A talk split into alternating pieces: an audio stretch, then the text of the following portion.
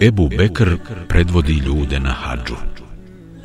Krajem mjeseca Zulka de devete hijđretske godine dozvolom poslanika sallallahu alaihi veselem Ebu Bekr radijallahu anhu krenu na hađ predvodeći skupinu od tri stotine muslimana iz Medine. Sa sobom je poveo 20 deva za kurbane koje je poslao Muhammed sallallahu alaihi veselem, kao i još 50 drugih deva koje je on izdvojio iz svoga imetka.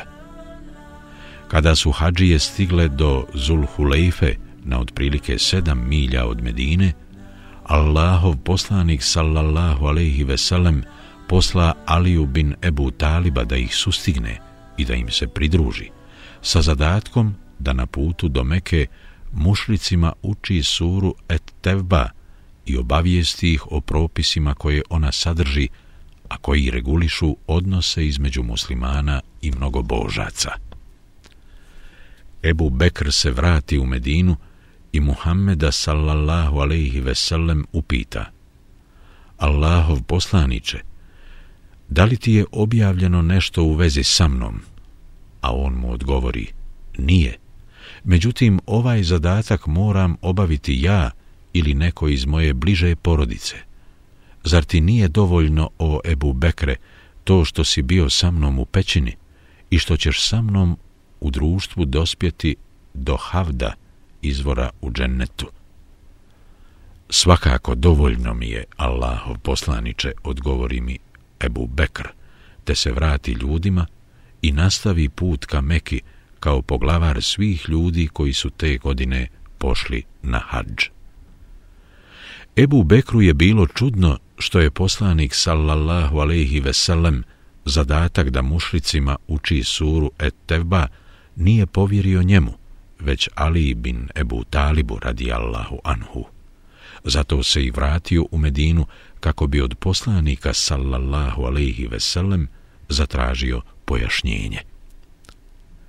Te godine muslimani i nevjernici, Arapi i ostali, obavili su hađ zajedno. Muslimani na šerijatski propisan način, a nevjernici shodno svojim paganskim običajima. Alija radijallahu anhu obilazio je hodočasnike i javno, učeći suru et teba, obznanjivao da se Allah i njegov poslanik odriču mnogo božaca.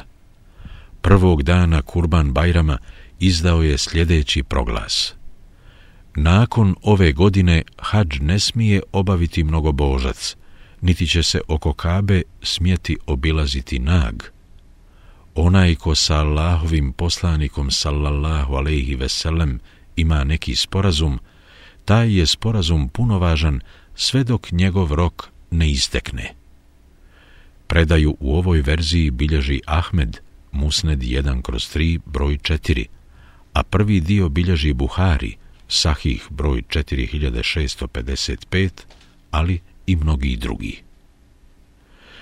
Mnogobošci su se vratili svojim kućama, koreći jedni druge i govoreći, šta vam je činiti? Kurejšije su već primili islam, potom počeše pojedinačno i skupno prihvatati islam.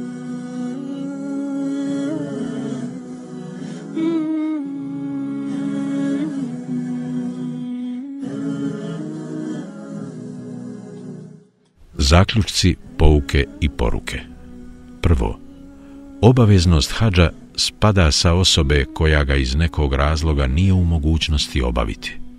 Isto tako, osobi koja i ispuni sve potrebne uvjete za obavljanje hađa, nije stroga obaveza da odmah iste te godine obavi hađ, već ga može odgoditi i za neku od narednih godina.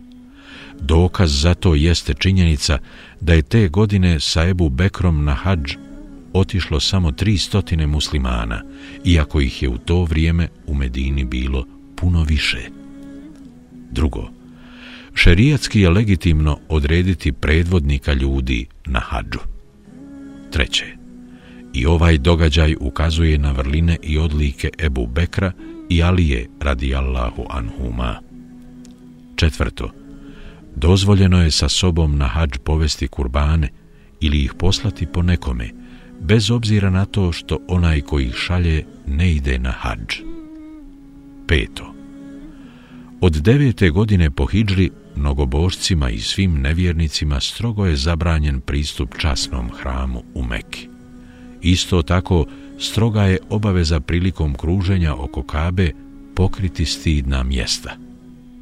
Šesto.